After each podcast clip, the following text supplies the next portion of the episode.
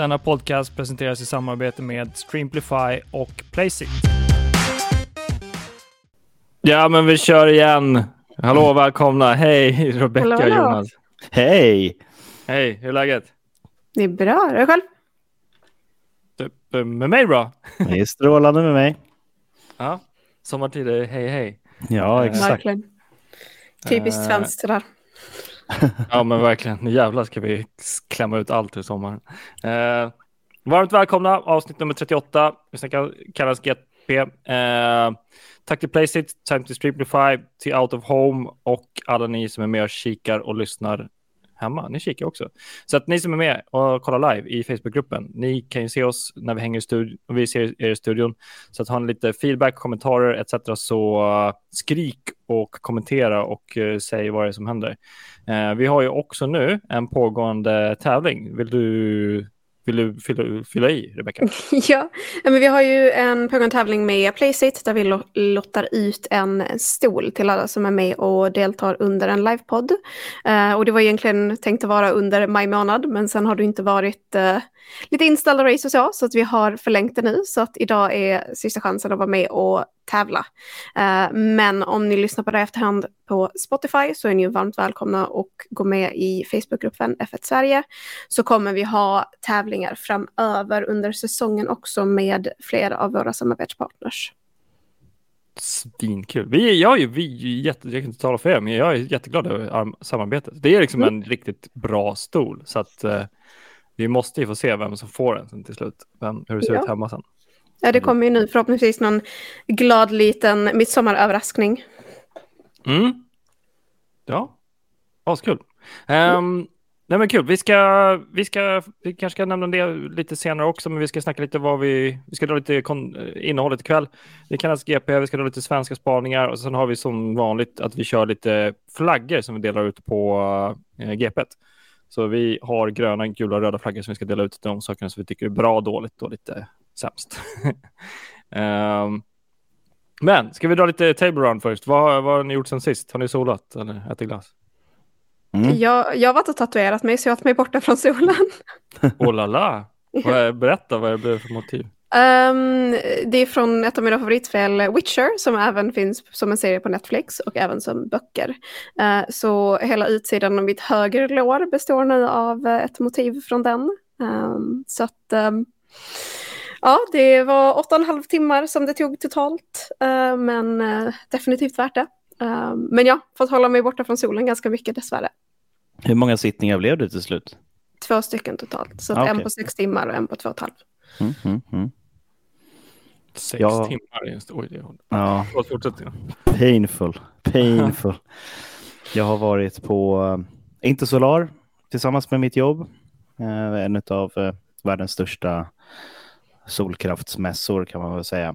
Sprungit runt där, haft lite möte med leverantörer, potentiella leverantörer, så vi får se vad för typ av solpaneler, växelriktare och liknande vi ska importera till Sverige. Hitta massvis med roliga, spännande grejer, så det händer jättemycket på den marknaden just nu. Så det, ja, det ska bli riktigt kul att se vad vi landar i i framtiden. Men ni- eh, kör det såklart. Lite kort off topic fråga. Men har ni solcellspaneler också till eh, liksom vanlifer, segelbåtar och små, små småhus? Ja, våra, Skrattar Rebecka. Martin frågar åt en kompis. Jag frågar jobb- åt en kompis. jag importerar ju åt ett företag som eh, heter Kranich Solar som är en eh, grossist och eh, våra kunder är i regel installatörer. De som bygger solkraftsparker och sätter upp på villor och sådär. Så i regel nej. Det finns jättebra grejer ute på marknaden för just det du letar efter. Men så jag, ska, jag kan länka det vidare till dig. Sådana där saker som man ganska enkelt kan installera på taket på sin van eller på sin husvagn. Eller det Ja. finns jättehäftiga lösningar för om man är ute och tältar till exempel. Så jag, kan, jag kan bara snacka med dig sen när jag leker markägare i Marocko och ska bygga en eh, solcellspark. Liksom. Ja, absolut, absolut. Då är du Ja. ringer till och säger hej, jag behöver ha det här. Ja, men då ser jag till att det finns i Sverige till dig. Jag behöver ha några gigawatt, kan du fixa? Ja, absolut. Coolt. Det är de mängder jag importerar i princip. Så det är... Coolt ju. Eh, kul. Jag svarar själv på min egen fråga. Jag har seglat. Ni kanske hörde den tisen. Ja. Har det gått bra eller fick du bommen i huvudet igen? Nej, inte igen. Den här gången har det faktiskt gått riktigt bra. Jag börjar få kläm på grejerna. Vill jag påstå. Uh, sen är man ju långt ifrån bra när man är en nybörjare. Alltså det kommer ju ta år innan man kan hantera en båt schysst. Mm. Men uh, ta sig från A till B. Jag tror jag gjorde, vänta, var 40, var runt 60 sjömil och sen så totalt uh, 17 timmar segling. så jag tyckte jag är ganska nöjd det. Utan att gå på grund, utan att tappa något mm. och något. Så att det, ja, det är kul. Ska du ut på sjön på midsommar? Nej, jag ska hänga i Dalarö, men dagen efter sticker jag nog ut och tar ett dopp, för det skulle bli 28 grader i Stockholm. Mm, mm, mm. Så att... ja, vi är ett gäng som är ute i skärgården under midsommarhelgen och några dagar till. Så kom förbi. Ja, men jag kanske gör det. Har ni bärs? Jag kommer. Absolut, ja. absolut. Gött. Nej, men, Skönt ähm... att kunna åka söderut där det inte är fullt lika varmt i veckan i alla fall. Exakt. Uh, vi är 20, 20 pers ungefär som kollar live. Det är askul. Uh, så att det är jättemånga som är med och kommenterar. Tack. Jag hinner inte svara på alla eller like alltihopa, men det är superfint att ni är med och kommenterar. Hoppas ni orkar lyssna på våra vackra röster också en timme medan vi snackar race uh, så att det finns lite värde utav det. Um, ska vi ta lite agenda, första punkten? Mm. Ja jag tänker svenska, svenska spaningar, spaningar på svenska, svenska initiativ eller racingar och det vad jag sett den enda stora headlinen är Dino Beganovic som har eh, tävlat. Men utöver det har jag inte jättemycket koll på vad som händer i Motorsport Sverige. Så det är folk som är med och kollar nu live och så bara, åh, det här måste ni nämna podden, så att gör det. Skriv, eh, nej men i helgen händer det här också och det här också. Det var ju Indycar också, absolut. Mm. Men jag vet, det sikt inte så jättebra för Marcus eller Felix. Ehm, så att, eh, jag tror de fortfarande kämpar. Jag tror, jag försökte, oh, Indycar by the way, när man ska googla Indycars och så Indycars, ja, alltså Championship-lista, då får man upp massa liksom 2022-listor och massa konstiga listor. Så här, Indycar, ni behöver anställa en SEO-person. Hallå, gör, fixa någonting. Ehm, uh, Ja, men precis. Och ni som är med live. Och eftersom vi kör allting live, alltså ingenting är förredigerat alltihopa, vi har lite agender, så kan vi komma in på ämnen som vi inte har koll på i huvudet. Så att ni som är med får jättegärna kommentera, till exempel vad Marcus och Felix kom nu i helgen. Um, så att om ni vill det, så kör, kör. Um, men that's that. Har ni andra kommentarer på det som jag hittar? Jag har varit ganska disconnected generellt sett. Jag är sämre uppdaterad än jag brukar vara. Tyvärr. Ja. Eh, men det är ju, säsongen är i full gång. Det, det är nu saker och ting börjar utkristallisera sig hur det går för folk på riktigt. Ja, mm. så silly season är väl på uppvärmningen liksom. Ja, nej, men det är säsongen. Vi har ju haft alla premiärerna och en premiär i all motorsport, inte bara F1, kan ju vara lite sådär, okej, okay, men om man hade stolpe ut eller stolpe in. Men nu kan man verkligen se um, i vilka mm. serier vi har chans att ta nya guld för Sverige. Mm, exakt. Eh, däremot ska man, ska man ska kanske nämna det, så fort man går in på eh, FIA Formula 3 hemsidan så är det en stor schysst intervju med Dino Beganovic. Eh, och eh, så jag sett det förut, men det är ju så fint att se att han har tre kronor på hak, hakskyddet. Eh, så att det är ju verkligen en, en person som man ska hålla lite koll på om man inte hört om honom förut. Eh, men sen så körde de i, i eh, Barcelona 2 och 4 juni, så det var en stund sedan. Ja, och eh, nästa gång blir Österrike näst, nästa helg. Just det, Spielberg. Ja. då, ja men soft, grymt. Ska vi, ska vi hoppa vidare lite på agendan eller? Ja. Mm. Uh, du, du, du, ja men Kanada då? Ska vi generella kommentarer? Vad tycker ni? Alltså, jag tyckte det var ett bra race. Jag tyckte det var kul. Det var lite så här, men lite lagom så här med lite gul flagg, eh, lite drama, lite mm, action ändå liksom.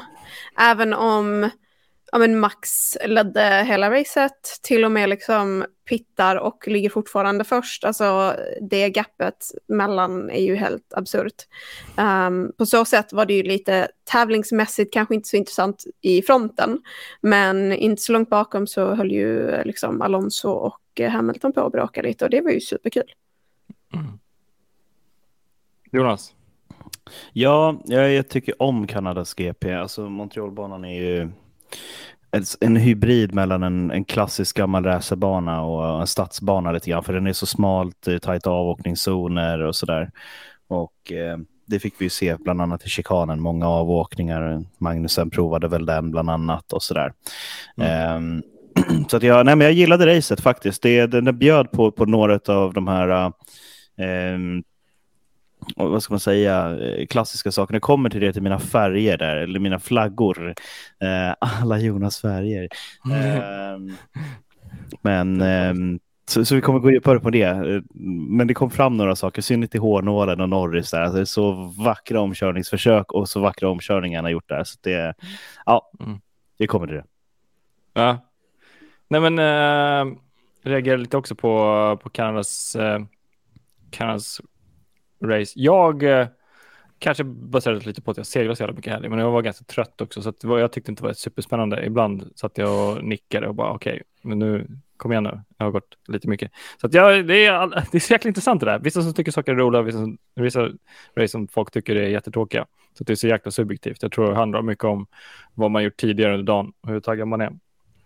Mm, F1 är lite grann som motorsportens fotboll, ska jag säga. Mm. Så här, vissa matcher kan vara helt fantastiska, andra kan vara lite långsammare men fortfarande spännande. Ja, precis. Man kan ha uppbyggt för förväntningar. Jag tror det är ganska höga förväntningar. Bara, nej, men Kanada brukar bli bra, bla bla bla. Mm. Men anyways, eh, generell reflektion är ju då att, eh, att det inte är så mycket att kika på längre när det gäller Max Verstappen, för han bara sticker iväg. Eh, hans poäng är, om jag hittat rätt, 195 och Peres är 126. Eh, vilket knyter ihop mina tankar, kopplar mina tankar till eh, eh Horners kommentar om eh, Peres, att han lika väl kan sluta racea för vinsten nu, att det är Max som kommer vinna. Eh, vilket blir ännu mer bekräftelse på att eh, Max Verstappen är guldgossen i eh, Red Bull. Eh, så lite tråkigt att höra att Horner går ut så, så tydligt och säger att nej, men det, det är ingen idé att han fightas längre om vinsten, för han kommer aldrig vinna. Det var det typ han sa. Jag kanske har rätt. Mm. Han har förmodligen rätt, men det är en jättetråkig kommentar att göra och det, jag tycker inte att det är, det är så man bygger en, en laganda i teamet. Mm, nej, men ex exakt. Alltså, även fast det är så, så säger man inte det publikt. Liksom, du tjänar ingenting på det. Nej, men och sure, jag menar visst, alltså Verstappen har ju vunnit den stor, större delen av racen, men samtidigt har ju Perez vunnit två race den här säsongen. Mm. Och han har ju ändå varit liksom bland toppen. Så att jag menar, han levererar ju fortfarande för Red Bull. Det känns mm. dumt att bara klanka ner. Mm. Nu är vi inne på det, vi har faktiskt en tittarfråga om det också. Ska vi dra upp den? Sure, sure, sure. Det tycker jag är intressant. Eh, vad tror vi om Paris? Eh, känner han pressen eller tror vi, ni, att, som foliehatten att bilen går långsammare när man närmar sig max i mästerskapet? Jag, vill börja. Jag, jag är en av folie, foliehattarna. Absolut jag med. en av foliehattarna. jag med, jag med. alltså, men Uh, säger Rebecka, men jag har en alltså, jag, alltså, jag tror, jag, tror jag, jag vill väl kanske vara lite naiv då och bara säga att jag, alltså, jag tror på så sätt att Perez är inte lika reliable uh, som, um, alltså han har inte samma, hur ska man säga, consistency uh, som, som, som Max. Så att mm. jag tror att, alltså framförallt han har haft, jag vet inte, otur eller inte lyckats med qualifying liksom heller på ett tag. Så att, uh, och där handlar det ju om att till, till exempel när, när Max liksom ligger långt ner i qualifying, då tar ju han sig upp för hans omkörningar är där. Och han har farten. Och det känns som att Perez kanske inte riktigt är av samma kaliber. Men mm. när Perez väl liksom kommer på första andra plats så ligger han liksom bra till och han håller pacen. Och liksom, men det känns lite som att han måste matas den, äh, den platsen så att säga. Mm. Jag hoppar in och reagerar på det här och jag, alltså heard it on the grapevines på, i väldigt, väldigt många stall, väldigt många fall där man har haft eh, förare som tävlar mot varandra i samma garage. Men på olika sidor i garage. Det, liksom, det har bara berättat om det och det har kommit liksom under många, många år från alltså, olika decades, för tio, tiotals år eh, i Formel 1 att ja, men den här personen har annan, annat material i bilen än den andra personen. Eh, det finns en bekräftelse som är minst absolut tydligast. Det är ju när de intervjuar Marcus Eriksson i slutet på Abu Dhabi tror jag. Och när man såg eh, de lila sektionerna i, när de jämförde Marcus Erikssons varv och Leclercs varv i alfan så såg man att det fanns en lila sektioner i Leclercs alfa som var mycket snabbare och det var bara raksträckor så att det finns inte att man blir snabbare på en raksträcka utan en starkare, motor. Så att jag tror alla som påstår att det finns foliehattar eh, tror jag har fel för det finns faktiskt en första och en andra förare i 90 procent av teamen. Eh, jag tror typ Merca har väl gått ut och sagt att de har ingen första förare förrän efter tre, eh, tre race. Det är typ där de börjar kolla på vem det är som är snabbast i de likställda materialen. Så börjar de välja vem som ska vara första förare. Men jag, jag tror definitivt att alltså, stall anpassar bilarna efter första förare.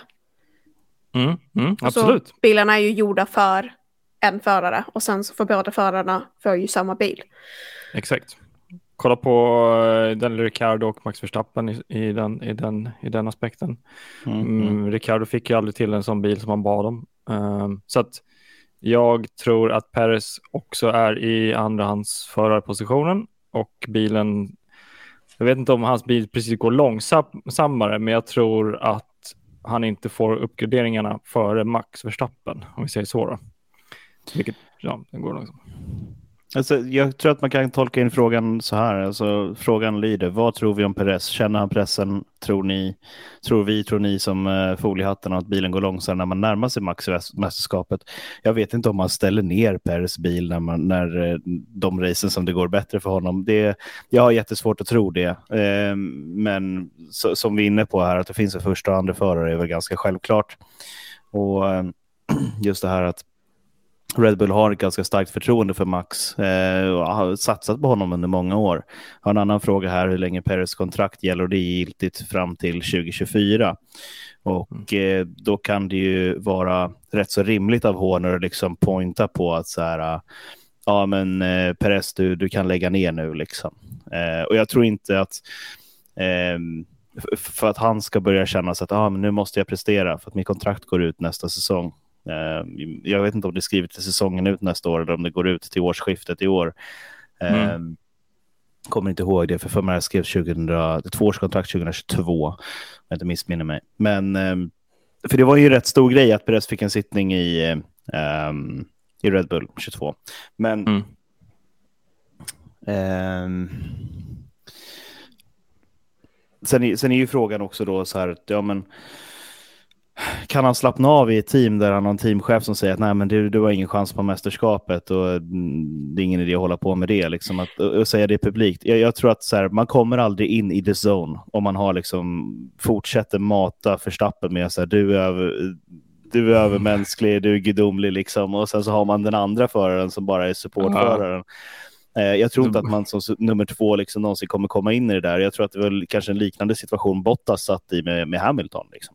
Mm. Så här, okay. uh, jag blir aldrig lyft, jag blir aldrig uh, bekräftad som en förare av kaliber nog att racea mot min teamkollega. Liksom.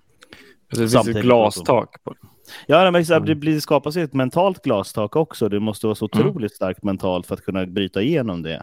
men du har ju fortfarande gjorde. möjligheten för en andra plats. Och jag menar, med tanke på vad som hände förra året så tror jag att Perez känner att den andra platsen i mästerskapet tillhör honom. Mm. mm. Och jag menar, det, det gynnar ju ingen alltså, om, om Perez inte kan prestera. För det, alltså, då kommer Red Bull inte... De behöver ju fortfarande poängen för att liksom, kunna vinna mästerskapet från, som constructor. Och det är mm. även bra för dem att ha sin andra förare på en andra plats. Det som, det som jag tror saknas, som jag sett Lewis Hamilton gjort, är att Lewis Hamilton har hyllat Bottas så jäkla många gånger för att han har ju nästan sagt jättemånga, några gånger mellan raderna typ av det är på grund av att hans support som jag har vunnit. Mm. Eh, och det jag inte ser Max Verstappen göra det är att hylla Perez i den aspekten. Förutom säsongsavslutningen 2021. Mm, typ. Men det, det, kan ju också vara... Back. Ja, det är precis racet som aldrig ska nämnas. Nej, men eh, det kan vara så att Verstappen inte känner att han får tillräckligt med hjälp från, från Perez. Om Perez bara, ja, men jag skulle vilja ha bilen mer åt det här och Verstappen bara, nej. Mm. Mm. Det ska inte alls vara åt det där hållet. Sluta, lägg av. Sluta förstöra mm. bilen för mig. äh, men, äh, Mm. Och, och sen- alltså, det måste ju också vara som för andra team att andra föraren är lite guinea pig också. Att eh, om de ska testa någonting som är osäkert så slänger de in det i Peres bil istället för Max. Japp. Det tror jag verkligen. Det tror jag verkligen. Eh, speciellt om det är osäkra grejer för att de provar först på andra föraren och sen bara, åh det funkar bra, då får du det. Mm. Fast vi tar bort alla limiteringar. Som Typ så. ah, vi provar den här nya framvingen på träningen. Fan, det var två Mm. tiondelar snabbare. Vi sätter den på maxbil istället. Exakt. Ja, tack, men jag då? Nej. Ja, nej, det, det, ja, men det, det, tack, tack för jobbet. Tack för jobbet. Bara, men Max behöver det inte. Alltså, du vill ha att, ni vill ha att kontrakten står? Ja, okej. Ja, men sluta fråga om du får den delen. Typ.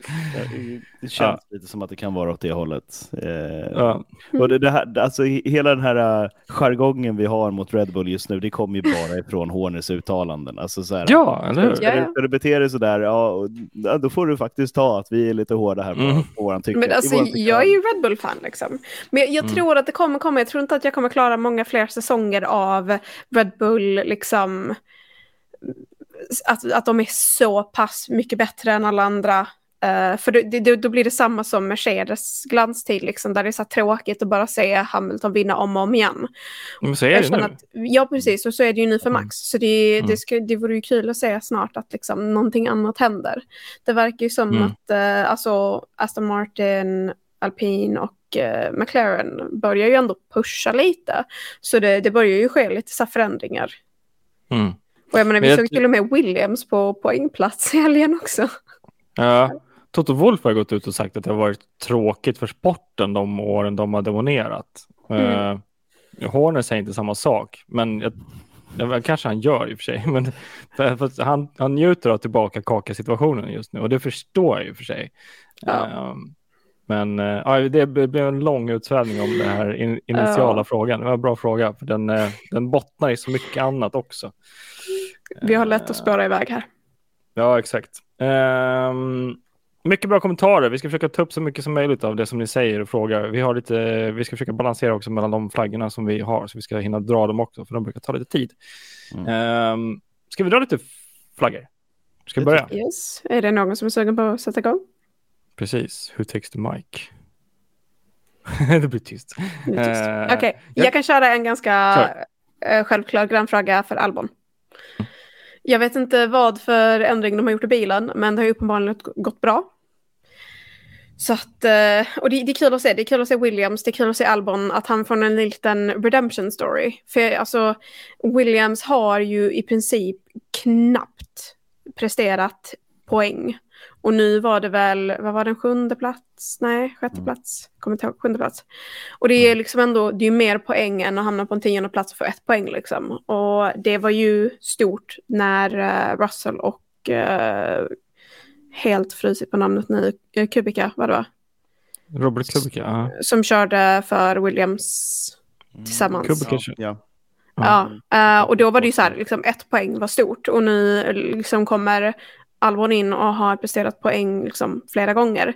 Mm. Ehm, och det, det känns skönt också att de har det jämfört med liksom deras rookieförare som Sargent. För att Sargent känns det, alltså jag vet inte, han känns inte riktigt eh, solklar. Ehm, han, jag vet inte om han kommer få behålla sitt säte eller inte. Det beror väl på liksom budgetar och vad de har för eh, alltså vad de har för eh, möjligheter där liksom att ta in någon annan förare. Men, men det, är, alltså, det är kul att se. För att jag menar som sagt, som de nämner i kommentarerna här också, liksom, just att Williams har ju väldigt mycket historia och det är ett, ett gammalt Mm. stall. Mm. Eh, så att eh, det, är- det är kul och det är kul för, för Albons del också. Liksom. Ja, det var något stall som hade varit kul att se komma upp på podiet igen. Det är Williams, för det är så otroligt legendariskt stall och har så mycket historik. Det är liksom, det är äldre än Red Bull. Mm. Tänk om vi har fått tillbaka. Lotus på griden också. Det hade, det hade varit något. Ja, det var skitballt tycker jag. alltså Lotus med guld, guldsvarta Lotusbilarna, det hade varit mega. Men eh, de, de eh, skärpte ju Kimi. ja, det är ni som inte hört storyn. Eh, när Just skrev på för, eh, för Lotus så Lotus var ju lite så här lite low key stall och det var inte så jäkla bra så hans manager förhandlade till att Kimi fick visst antal pengar per poäng så att eh, de skrev ju något eh, ganska pessimistiskt kontrakt där. Så trodde inte Om det de var typ få 50 000 poäng. euro per poäng.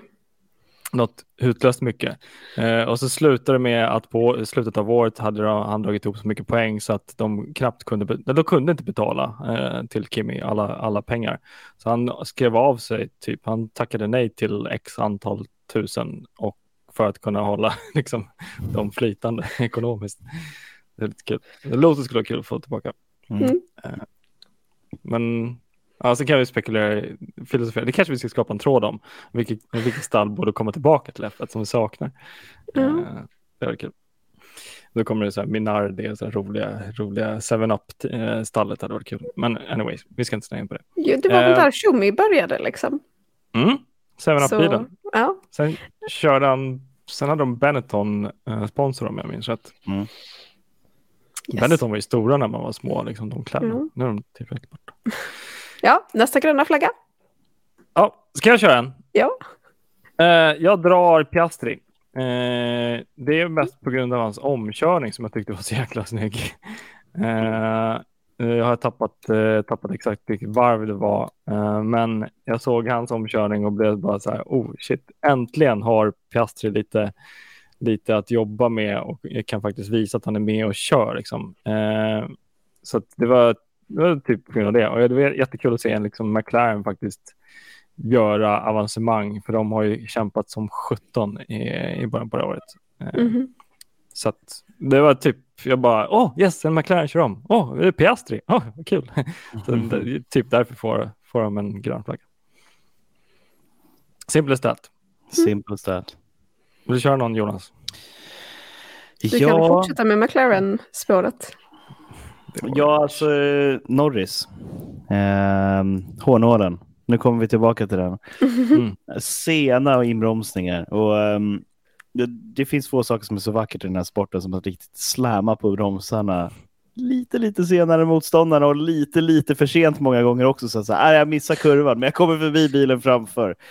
Eh, Ja. Och han gjorde liksom, han industrialiserade det där i i Kanada och jag tyckte att det var riktigt fränt att se och det gav honom också ett, ett ganska hyfsat race ändå. Det fanns riktigt mycket potential för att det skulle gå riktigt bra för, för Norris. Så det finns fart i McLaren-bilen och det finns också vilja från, eh, från båda förarna egentligen, men i synnerhet Norris då. Så det, det, för, att bli- för att bli en stor racerförare så krävs det tre saker. Du ska vara underhållande framför kameran, du ska vara underhållande på banan och du ska göra hyfsade resultat.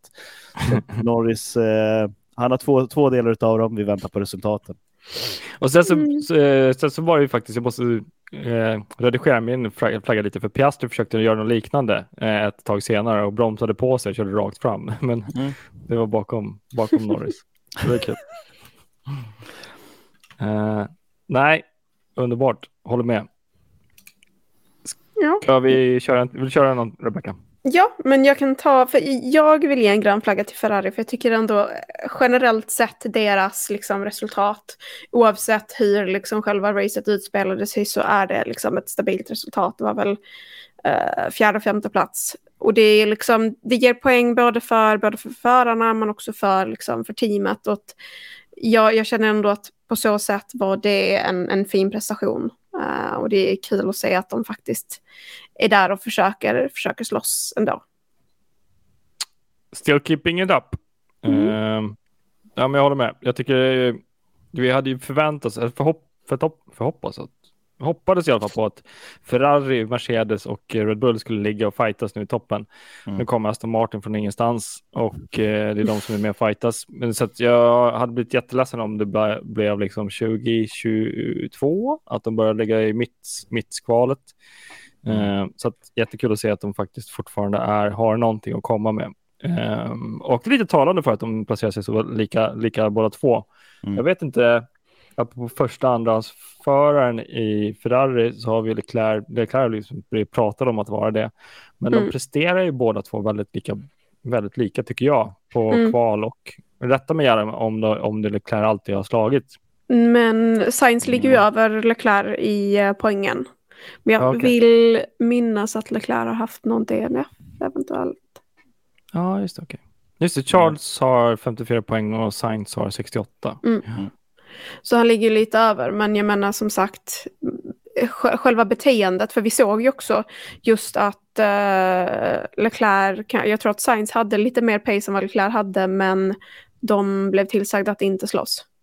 Mm. Vilket kan vara rimligt. För jag menar, jag ger, ger Ferrari en gul flagga det här racet. Jag menar, kvalet var katastrof för båda två. Ska absolut inte köra så långsamt där eller göra bort sig på det sättet de har gjort. Men de gjorde en hyfsad recovery. De plockar viktiga poäng. De är fortfarande med. Det här är inte det racet som de kommer förlora mästerskapet på kanske. Mm. Men det är inte det här racet de vinner det på heller. Utan det var, det var en racehelg. Um, man reparerade efter ett dåligt kval.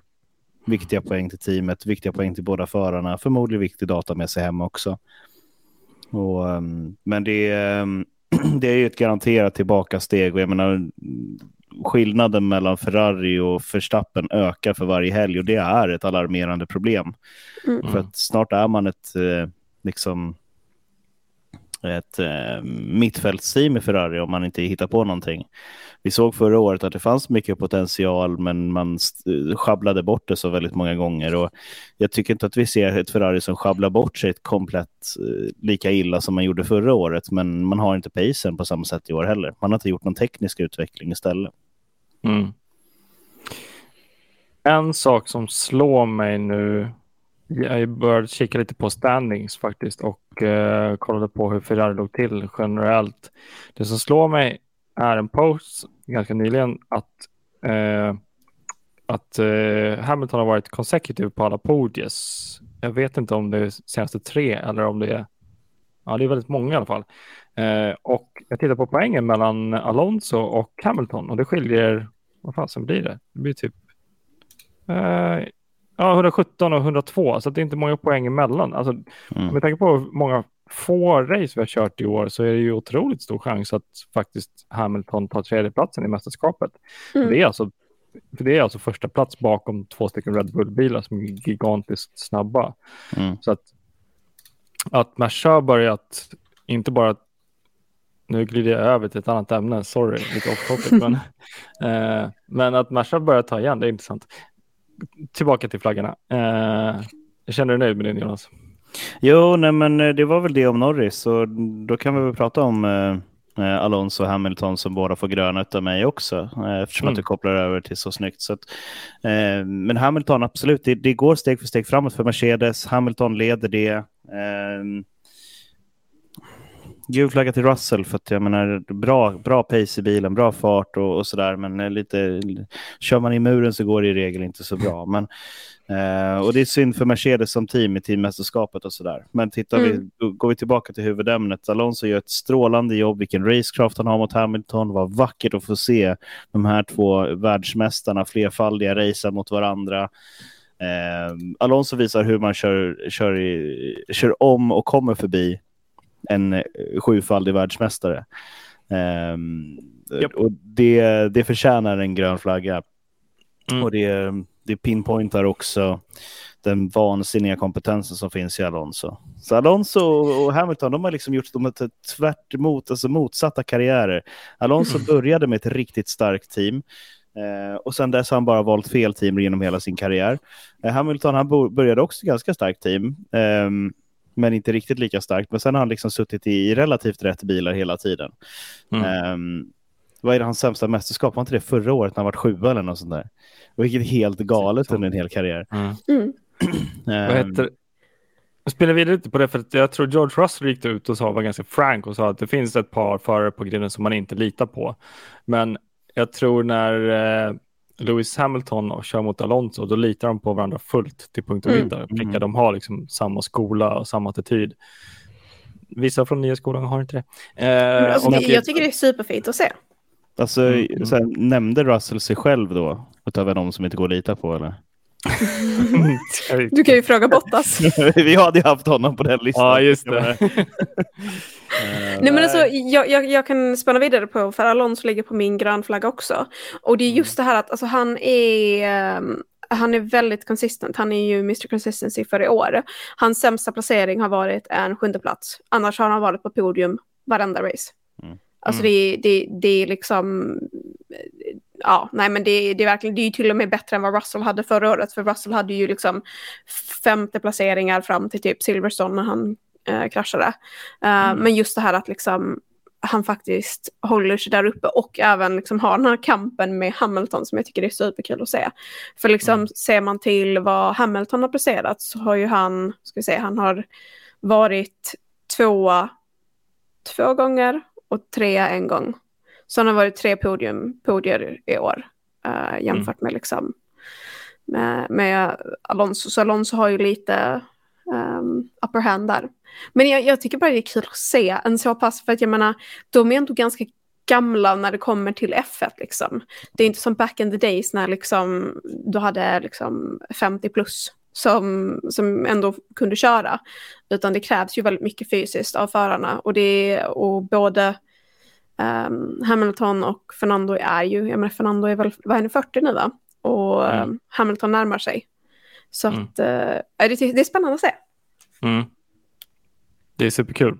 Mm. Eh, jag hade faktiskt också en, uh, jag hade röd på Russell, du gav honom en gul. Eh, jag, jag tycker faktiskt han förtjänar en röd när han sätter den i väggen där. Eh, Sure, det är ju Wall of Champions. Men var det var Wall of inte det, träffade inte han samma curb som, som Max också träffade och lyckades rädda?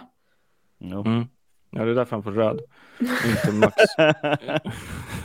Eh, så att, ja, jag tycker det han, men visst, ja, nej men alltså han börjar, jo, det, det ska, min följdkommentar på det är ju att jag tror att nu börjar de, alltså de har byggt om hela framvagnen på, på bilen, hela golvet och jag tror att eh, jag har inte sett några mer negativa kommentarer från Hamilton sedan dess. Mm. Tvärtom, han har varit neutral slash positiv. Eh, vilket gör att han börjar få den där positionen, sätter ner fötterna och säger jag kan bilen nu, nu ska jag visa var skåpet ska stå. Det har han gjort de senaste två racen, mig veterligen. Eh, och det gör att jag tror det blir någon slags, någon slags hammer time i eh, teamet. Nu börjar han få upp känslan i bilen, han vet vad man kan göra med den, han kan få upp rätt inställningar på den, han kan få den att spela för honom. Det gör att Russell börjar bli lite osäker och eh, osjälvsäker och kanske överkör som han gjorde i helgen. Eh, så att jag tror att nu börjar Lewis få lite hammer time. Och jag undrar om det faktiskt är så att han kommer börja dominera nu. För att, alltså obviously, alla kan göra fel, men jag har inte sett Russell göra så mycket fel som i söndags. Eh, så jag börjar undra om han är lite nervös, om han liksom har börjat kolla på testdata och börjar förstå att Lewis börjar vara den som Lewis är. Eh, så att jag är jättenyfiken att höra vad flugan på väggen där i det teamet och se vad som händer. För att det, det är någonting som hände med Russell igår. Mm. Så att, mm.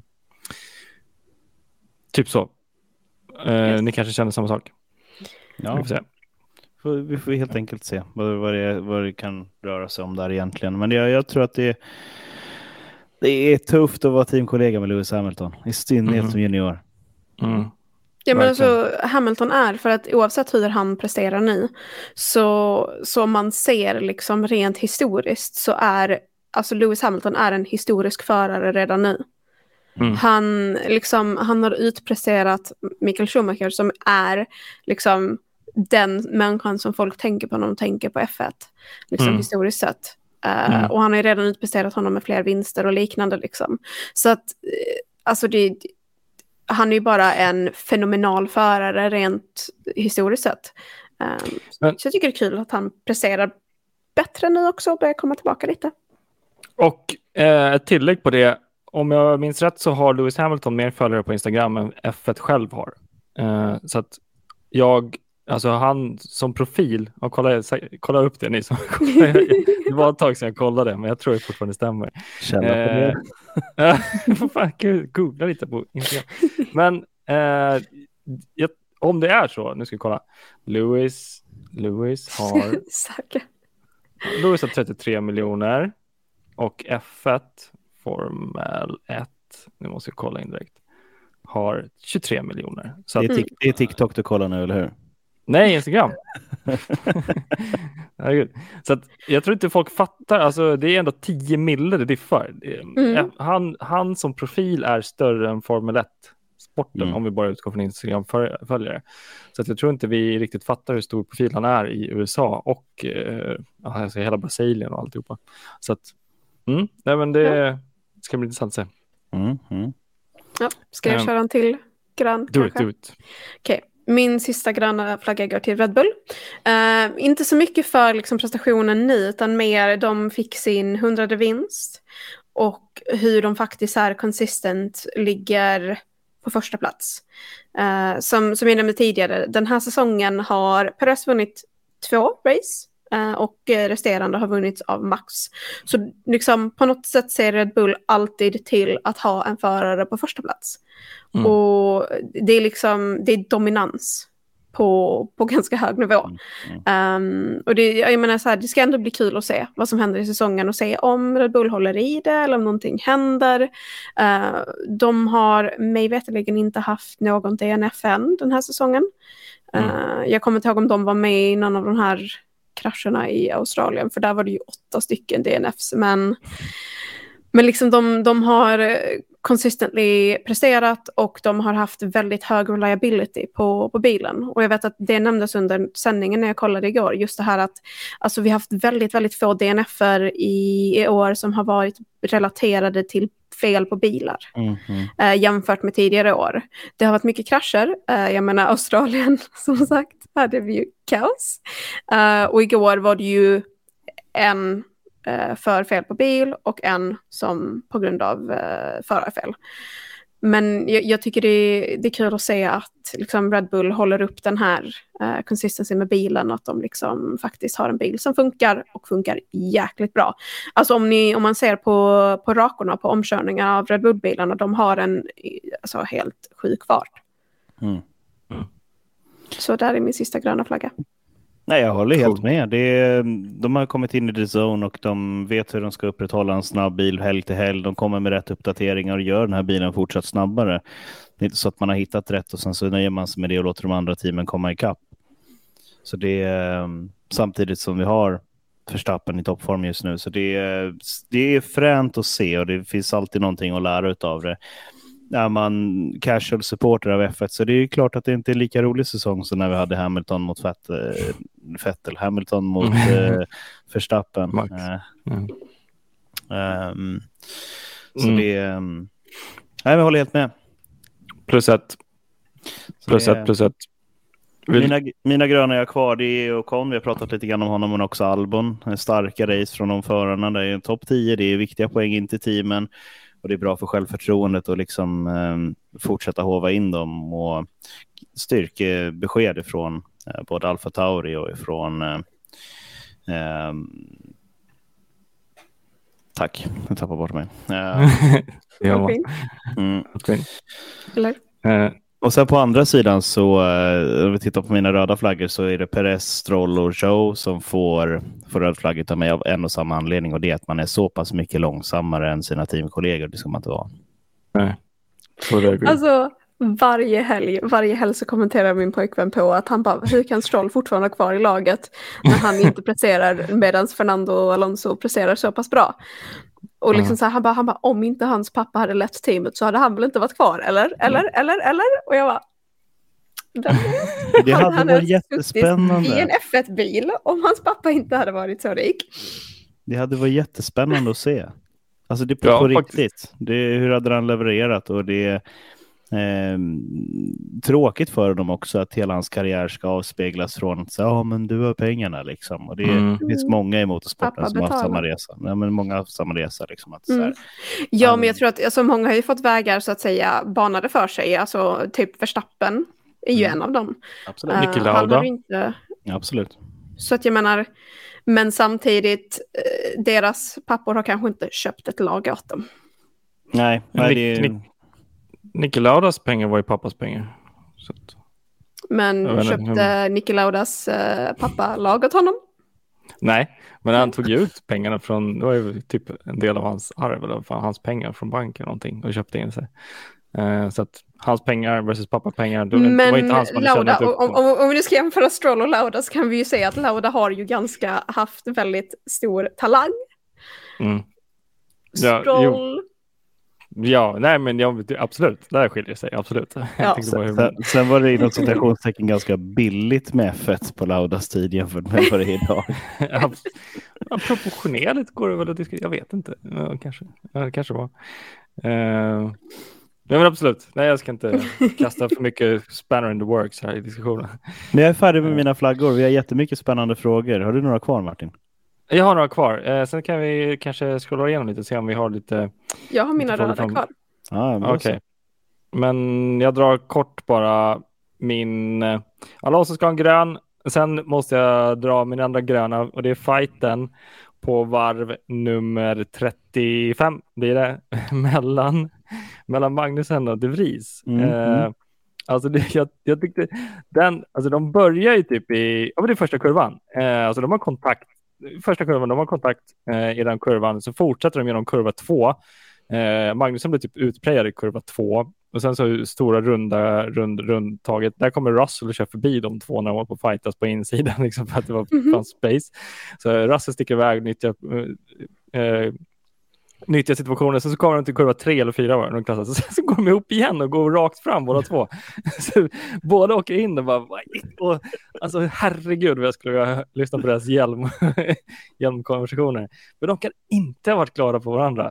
De två liksom sitter i olika team och det är Magnusson och Dries, alltså Magnusson måste ju ragea på De Vries nybörjarattityd där.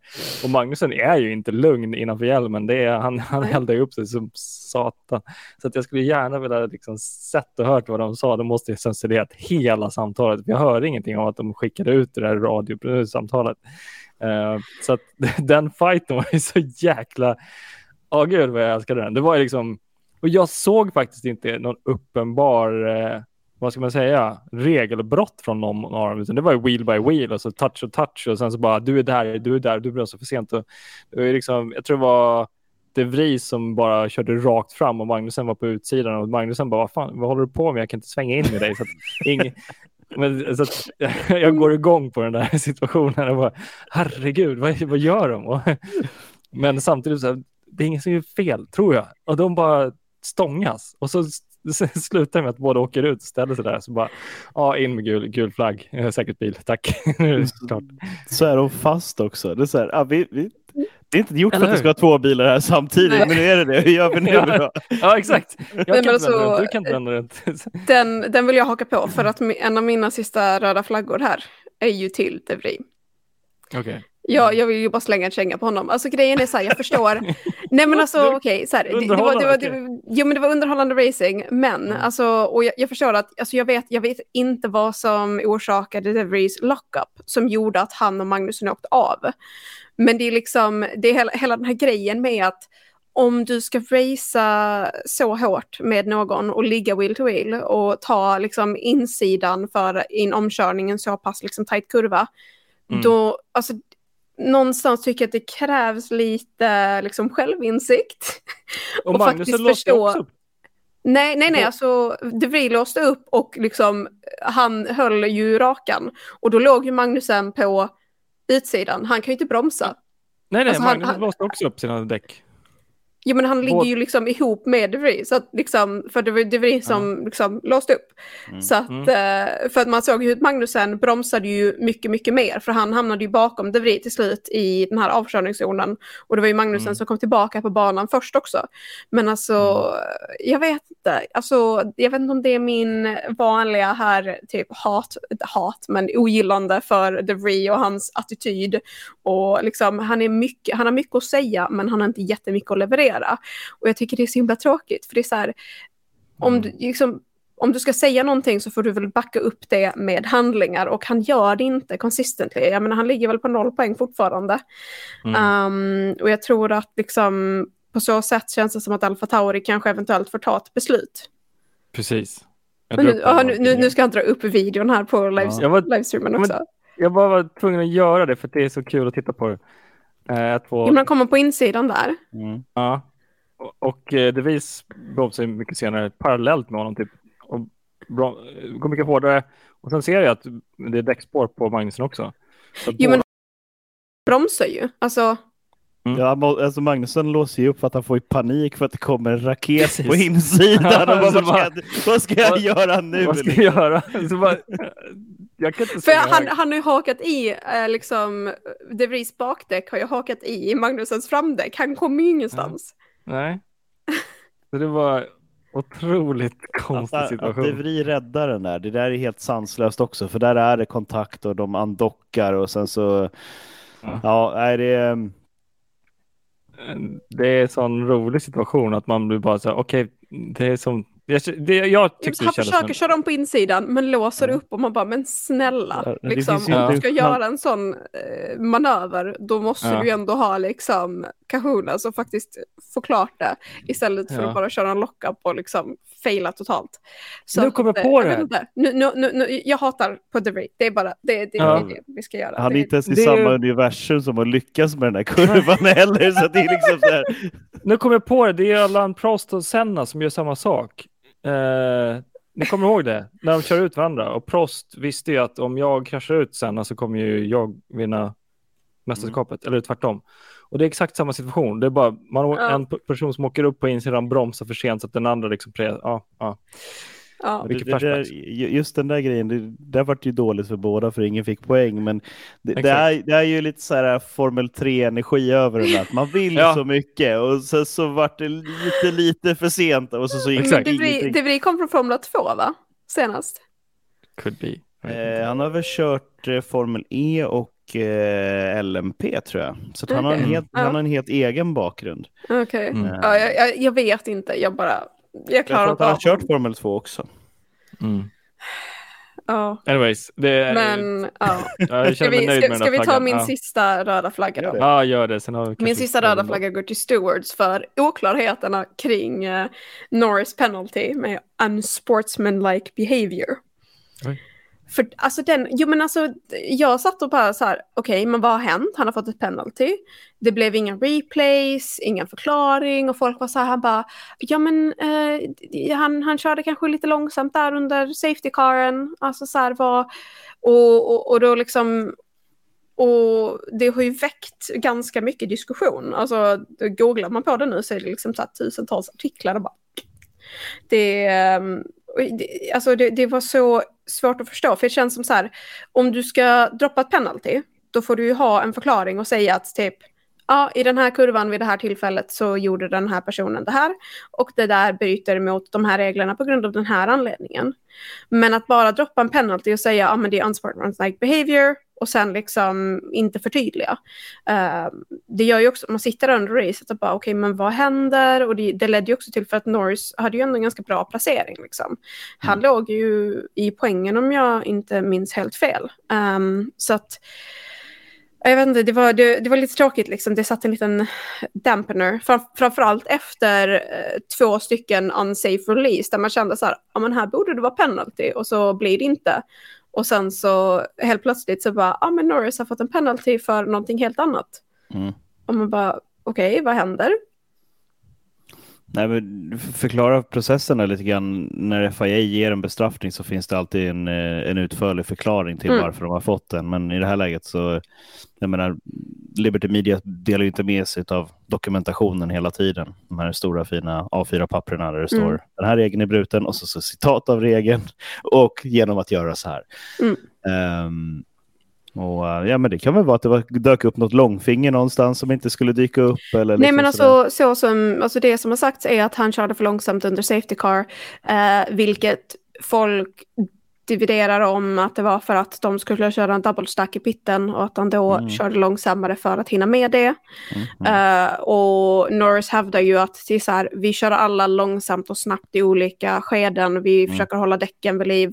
Alltså, eh, jag vet inte, det var ingenting som jag i alla fall såg som var tydligt, som var så här, okej, men det här Nej. hände liksom. En fuling som inte gick hem. Jag kan köpa den och eh, FIA kanske höll en liten... Eh, jag menar, det, det, blir- det blir tydligt för domarkåren om de sitter och Mm. tittar igenom repriserna. Bara, men det där var ju kanske lite väl intentional, att det gick lite väl Mm. långsamt just där. Men eh, det, vi som tittare vill ju absolut ha klara besked. Okej, men okej, unsportsmanship behavior. Okej, varför? Vad? Ja. Eh, kommentera det, visa det. För att, alltså, på hans unsafe release på Albon, den hade jag köpt. Mhm. Om de hade dömt det som en unsafe release och gett honom Mm. penalty på det. Mm. Alltså egentligen, jag menar, Hamilton borde ju fått det för sin, eh, på Alonso också, tycker jag. Men de har ju uppenbarligen bedömt att ingen av dem där var unsafe release. Mm. Vilket är lite konstigt. Ja, det, är, det, det döms lite mer linjent tycker jag när det är pitstop under, under yellow eller bakom säkerhetsbil. Mm. Man, man är, tillåter mer att ah, men det får vara tajt, det är ju två bilar i depån för det händer ändå ingenting på banan, då kan de få racea i Mm. depån istället. Antar jag, jag vet inte. Men det är lika osäkert för det sam, du, du har inte lägre hastighetsbegränsning i depån, du har inte färre människor i depån, snarare tvärtom. Mm. Ja, djupt ämne. jag, jag tror också att för ett unsafe release, så som jag har läst till mig om det, är ju då att en förare släpps när det, när det kommer en förare i pitlane. Ja. Och, och det, Ja, det, det mm. händer ju. Jo, Båda de här ju- gångerna. Ja. Ja, jag är inte Ja. säker på hur, hur många sekunder det ska vara mellan bilarna eller hur många billängder det ska vara innan du får släppa en bil eller sådär. Men, eh, och sen kommenterar ju Alonso att jag fick bromsa i depån för att bilen framför kom ut. Det, det kan Mm. ju vara liksom Ja, så här, bara ah, men jag, jag, trycker till på, jag trycker till på bromsen här och så hoppas vi på att vi kan få på en unsafe release. Ja. det är bara Eh. politik. Det är totalsport. det är inte bara det, det jag tycker är så intressant också för att alla pratar om Hamilton och Alonso, men Mm. ingen pratar om Norris och Al Albon som hände Nej. det sjätte, alltså bara typ minuten senare. Mm, mm. Och det var Mm. exakt samma grej. Han var Ja, men jag- bromsa. Jag såg att de noterade det båda två. Domarna gjorde väl det? Ja, alltså de, de noterade det, men jag menar Ja. nu, ingen pratar om det i efterhand. Efterhand är det bara, jag, för jag, jag, jag, alltså, Ja, okej. jag gjorde en googling på så här unsafe release Canada Grand Prix. Mm. Allting var Hamilton och Fernando. Jag var tvungen att gå in på sändningen Ja. och hitta. Ja, exakt. Men det Bara tror jag bara för att jag kan bara spekulera varför. Det är för att Hamilton och Alonso är mycket större. Ja, namn. jo men och de hade ju verkligen fighten där. Uh, Ja. Det var ju just, var det, för det var andra platsen de, de slogs om. Ja, exakt. Precis. Det var inte. Så, Ja. ja. Headline attityd från media. Eh, vi har jättemycket frågor eller kommentarer och grejer. Eh, så att Är, jag, är du färdig med dina flaggor Martin? jag känner mig nöjd. Alltså, annars känner kommer vi Mm. trötta ut folks öron. Ja, men jag är nöjd med mina flaggor. Tack. Tack för att du kollar. Um, vad heter det? Först och främst ska vi ta upp lite, vad ska man säga? Jättekul. Det är fasen vad trevligt att du bara sitter och lyssnar på det här snacket. Askul att höra sånt här. Jag tycker det, verkligen. värmer verkligen. Mm. Mm. Eh, första gången jag och sonen lyssnade live, superbra. Det är superkul. Alltså, vi gör det här för er och vi, vi betalar i tid och vi får hjälp av våra sponsorer. Men eh, vi blir inte rika så att vi gör på det här på, för att ni ska kunna ha någonting att lyssna Nej, men- på dagen efter varje race. Liksom. Vi Eh, gillar sporten. Mm. Mm. Och det är inte så många som kör liksom så här efterstudier. Så vi också, jag, jag, jag har i alla fall funderat på om man ska efterstudie efter racet, men lite sent ibland och så där konstiga tider. Så att jag ser det här som en efterstudio och eftersnack. Så att eh, det blir ty- någon typ av eh, live-podcast som man kan hänga med på måndagskvällen efter racet. Och sen så har Mm. man ju pod- podcasten som inte kan hänga med och kommentera på tisdagen som kommer ut. Så att det är askul att höra. Superkul. Um, du, du, du, du. En förare som har varit nice, Colton Hurtabo, uh, hade behövt Ja. fler licenspoäng. Yes, han har 34 superlicenspoäng, han behöver vara 40. Ja. Mm. Men tror, är det någonting han kan få ihop under denna säsongen? Jag vet inte hur Jajamän. det funkar. Yes, Ja. det kan han göra.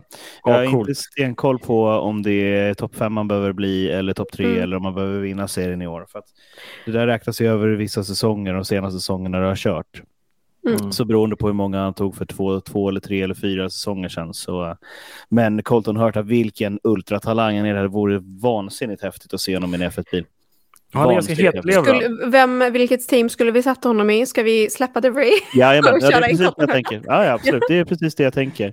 Ja. Ehm, så det är... ehm, Sen hade det varit kul att se honom under Zac Browns ledning också. mm, ja, absolut. Han har nog gjort sig bra i McLaren. Men Ja. alltså McLaren har vi ju nu två stycken juniorer och de börjar prestera. Jag, tror, jag vill se utvecklingen hos de två tillsammans. Fair enough. Och Mm. en av de sakerna som jag faktiskt såg det var Hackenen som kommenterade och sa det att han tror att McLaren kommer vara eh, med om toppfighten liksom till nästa säsong. Oh, Häkkinen har ju många fingrar i syltburken fortfarande i paddocken. Undrar varför han säger så.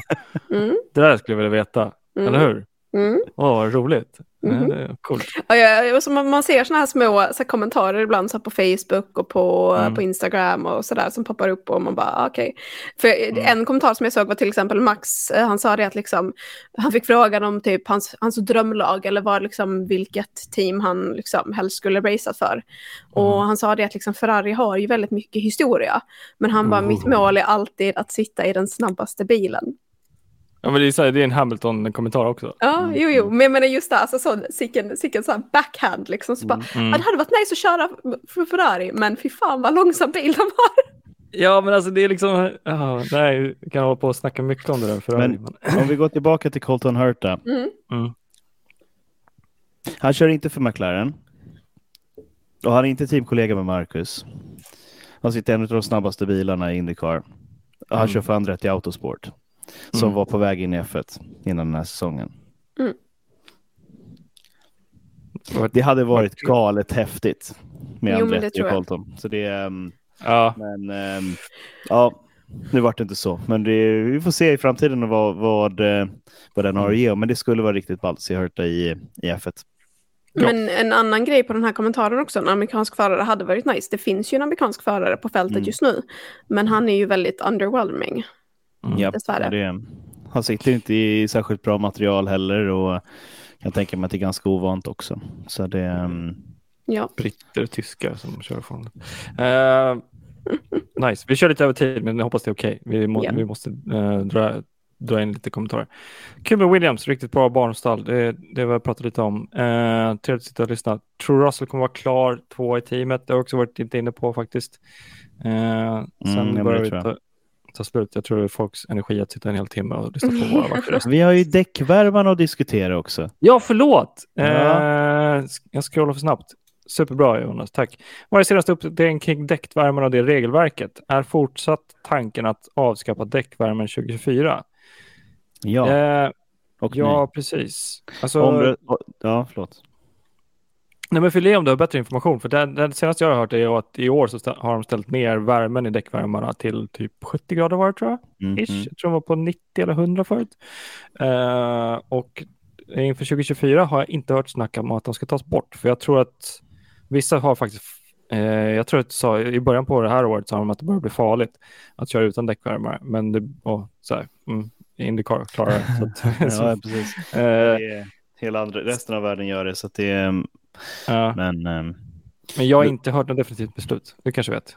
Det definitiva beslutet kommer komma efter den 21 juli, för det är sista dagen de får rösta på FIA om det här, om den här typen av omröstning. Så att 21 juli kommer vi veta ja, ett par dagar efteråt eh, när Mhm. informationen sipprar ut att har man röstat om det eller har man inte röstat om det eh, och har det i så fall kommit ett beslut. Så eh, mitt under sommaren eh, så eh, kommer vi få svar på det. Men det finns många anledningar till att diskutera, ska man ha däckvärmare eller inte?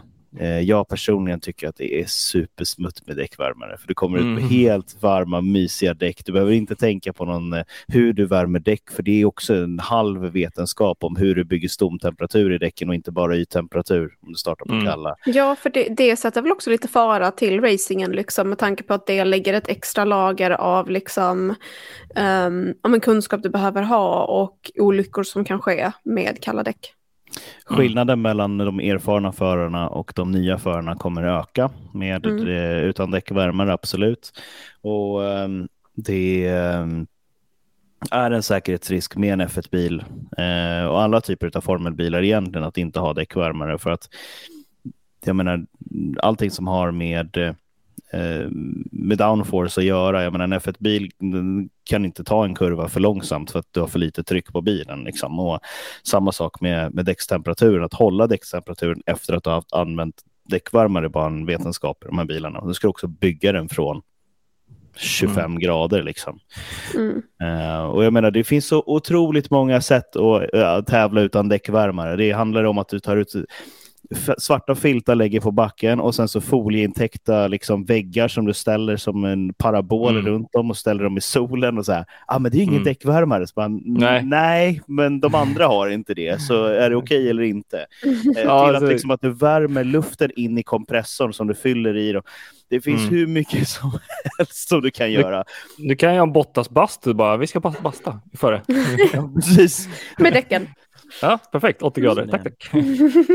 Ehm, och, och, det, det, är som, som vanligt i racing. Vi kommer kunna få se jättemånga konstiga lösningar för att komma runt det här.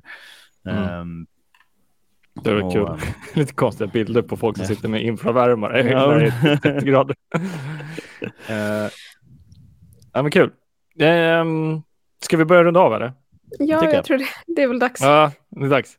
Alltså, en som jag, sak som jag tänkte på som vi ska nämna är att folk som lyssnar nu i, och är med i gruppen och som har varit med i tävlingen ska tillåta och kolla message eh, incoming. För att om vi skriver om eh, tävlingen, om det är någon som blir utlottad så kanske vi skriver och det kan det komma i message request. Så håll koll lite på det om ni är med i tävlingen och ska tävla. Mycket viktigt så att ni inte missar Mm. att ni kanske har vunnit. Det hade varit tragiskt. Men det kommer postas i gruppen vem där som har vunnit också. Så att Super. förhoppningsvis håll utkik. Vi Så, taggar. Yes. och håller på.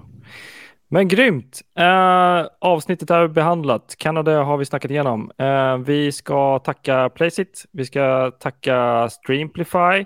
Vi ska tacka outofhome.se. Eh, sen så har vi också alla medlemmar, alla som varit med och lyssnat och eh, speciellt Jonas och Rebecka. Och nu om ni lyssnar på Spotify, som jag tycker ni ska göra, så in och ge lite stjärnor för att det motiverar oss. Vi, har, eh, vi skulle, skulle vara jätteglada om det kom lite stjärnor där, så om ni gillar avsnittet så gör det.